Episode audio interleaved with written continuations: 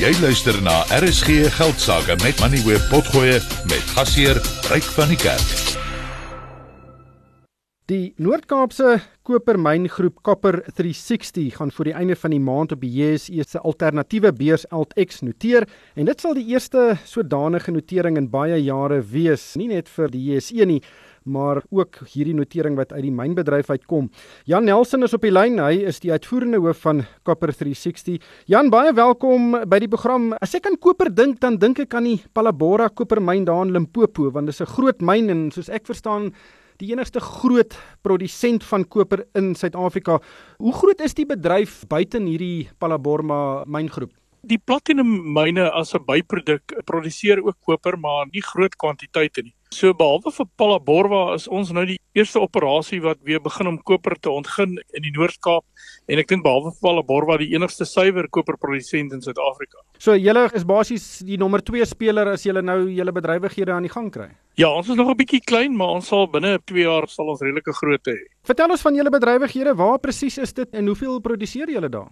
Ons operasies is in Nababib wat so 10 km noord is van Springbok en ons het 'n aanleg gebou wat so 8 maande terug in produksie gegaan het en ons produseer koperplate so 1 by 1 meter koperplate wat so 4 tot 6 mm dik is.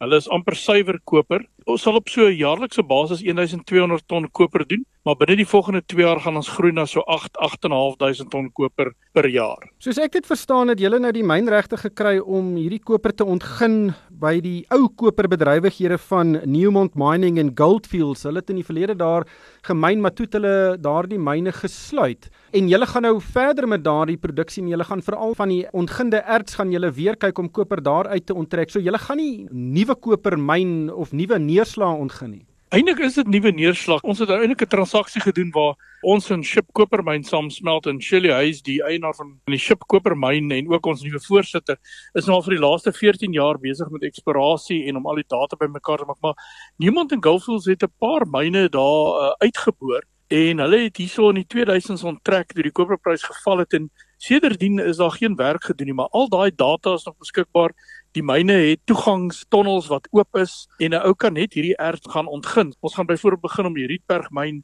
in die volgende 6 maande te begin myn. Maar alhoewel hulle die opperdeel van hom gemyn is, is die onderste deel en sekere ander vlak dele nie gemyn nie, maar is uitgeboor deur Newmont en Goldfields. Ons het hierdie data verwerk en ons is nou reg om te begin om die mynbouproses weer aan die gang te sit. So dis 'n ou myn, maar nuwe erts binne in die ou myn. Is dit 'n oopgroef myn? Nee, dis 'n vlak ondergrondse myn. Daar is 'n aantal oop groewe wat ons ook in die volgende jaar sal begin ontgin, maar hierdie is 'n baie vlak. Die eerste erfliggaam wat ons gaan bykom is so 30 meter onder die oppervlakte. En jy het nou gesê julle produseer tans so 1200 ton en julle wil dit oor die volgende jare wat opstoot na 8500 ton toe. Hoe baie is dit?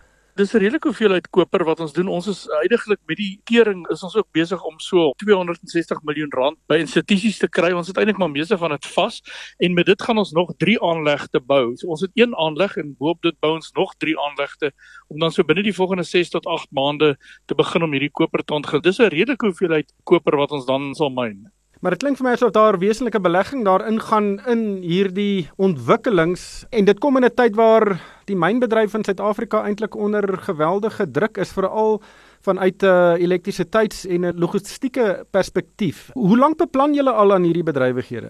Dit klink altyd of ons tydsberekening baie goed is op die oomblik met die koperprys wat styg, die groot tekort aan die koper, maar as jy eintlik aan dink, Shelley Huys is nou al 14 jaar besig en ons is nou al 5 jaar besig ook in die distrik saam met haar. So dit het ons 14 jaar gevat om ons tydsberekening perfek te kry, maar ons is baie bly. Maar dis nou waar ons is en gelukkig is die aanvraag na koper so groot en die voorsiening van koper is besig om te daal. So ons is presies op die regte plek op die regte tyd. Ja, ek het vandag na 'n grafiek gekyk van die koperprys en dit het nogal geweldig gespring die afgelope paar jaar. Hoewel dit nog bietjie wisselvallig is, hoekom is julle so positief oor die vooruitsigte van koper spesifiek? Kyk, oor die volgende 10 jaar gaan die voorsiening deur myne van koper gaan val van omtrent 30 miljoen ton per jaar na 10 toe. Nou as 'n ou net kyk na elektriese voertuie, Europa moet teen 2030 moet daar 30% van al hulle voertuie op die pad moet elektries wees. Dan praat ons nou van 500 miljoen voertuie en elke elektriese voertuig gebruik omtrent 85 kg koper.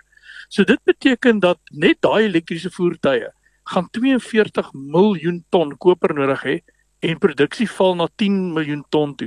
Dan praat ons nog nie eers van die groen revolusie in terme van infrastruktuurontwikkeling en belegging nie. Nou die rede hoekom die koperpryse 'n bietjie wisselvallig was oor die laaste tyd is Machina se toemaak as gevolg van COVID, maar die oomblik toe hulle oopmaak, toe spring die koper amper met 3000 dollar 'n ton.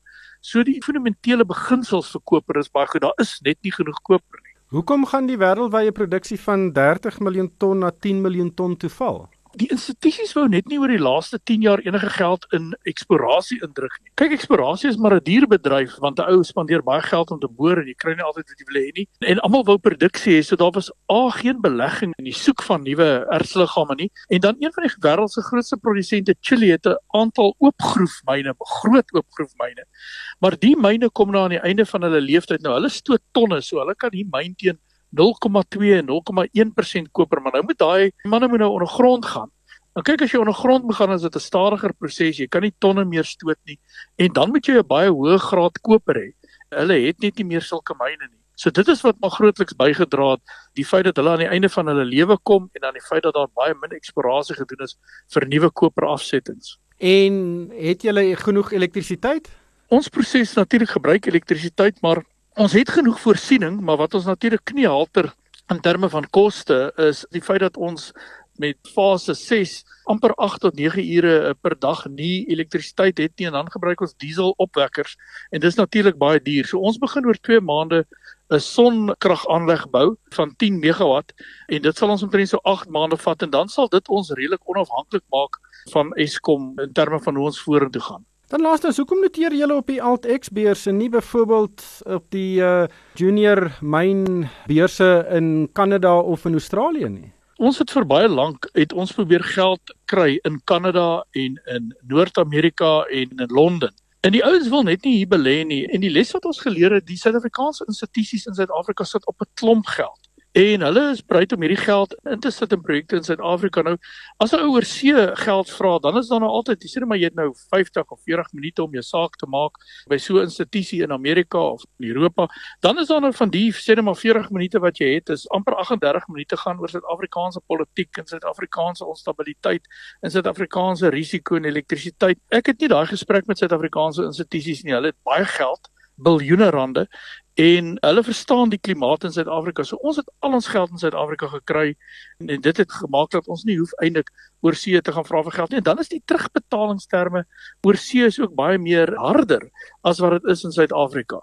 Dis 'n baie interessante siening want ons het probleme in Suid-Afrika, maar Suid-Afrika het nie 'n monopolie op uh, politieke probleme nie. Mense sal dink nee. dat die sakeplan behoort vir die geld te sorg en nie hoe glad jy met die tong is as jy nou jou besigheid gaan verkoop nie. Ek sal vir jou sê dat ek is nie naïef nie en Suid-Afrika het sy probleme. Maar ek kan vir jou sê ons het nou al in Afrika gespeel en, en ek wil nie sleg praat van die ander Afrika lande nie, maar as jy 'n mynbouprojek wil bou of ontwikkel, moet jy infrastruktuur hê. En ten spyte van Suid-Afrika se probleme met Eskom, is hierdie nog steeds die beste land om 'n myn te bou. Ek sal enige ander competitor net uitperform as ons hier myne ontwikkel omdat ons die infrastruktuur het en mense wat geskool is in mynbou. Ons het nog steeds fantastiese infrastruktuur hier en ek dink almal vergeet dit. Baie beter as enige ander plek in Afrika. En dan as 'n ou in Amerika kyk en in jy weet in Asië waar daar nou oorlog is, dan is dit nie baie uh, goeie plekke om te belê nie. Suid-Afrika is 'n fantastiese plek. Ons het probleme, maar ou kan nie van jou probleme af weghardloop nie. Jy weet soos Eskom, jy bou maar 'n sonplaas en dan gaan jy aan. Ja, bou 'n sonplaas en gaan aan. Ons los dit daar. Jan, dankie vir jou tyd vanaand. Dit was Jan Nelson huis die uitvoerende hoof van Copper 360. Jy het geluister na RSG Geldsaake met Money where potgoe elke weeksdag om 7 na middag. Vir meer Moneyweb potgoe, besoek moneyweb.co.za of laai die toepassing af en volg Moneyweb News om dagliks op hoogte te bly.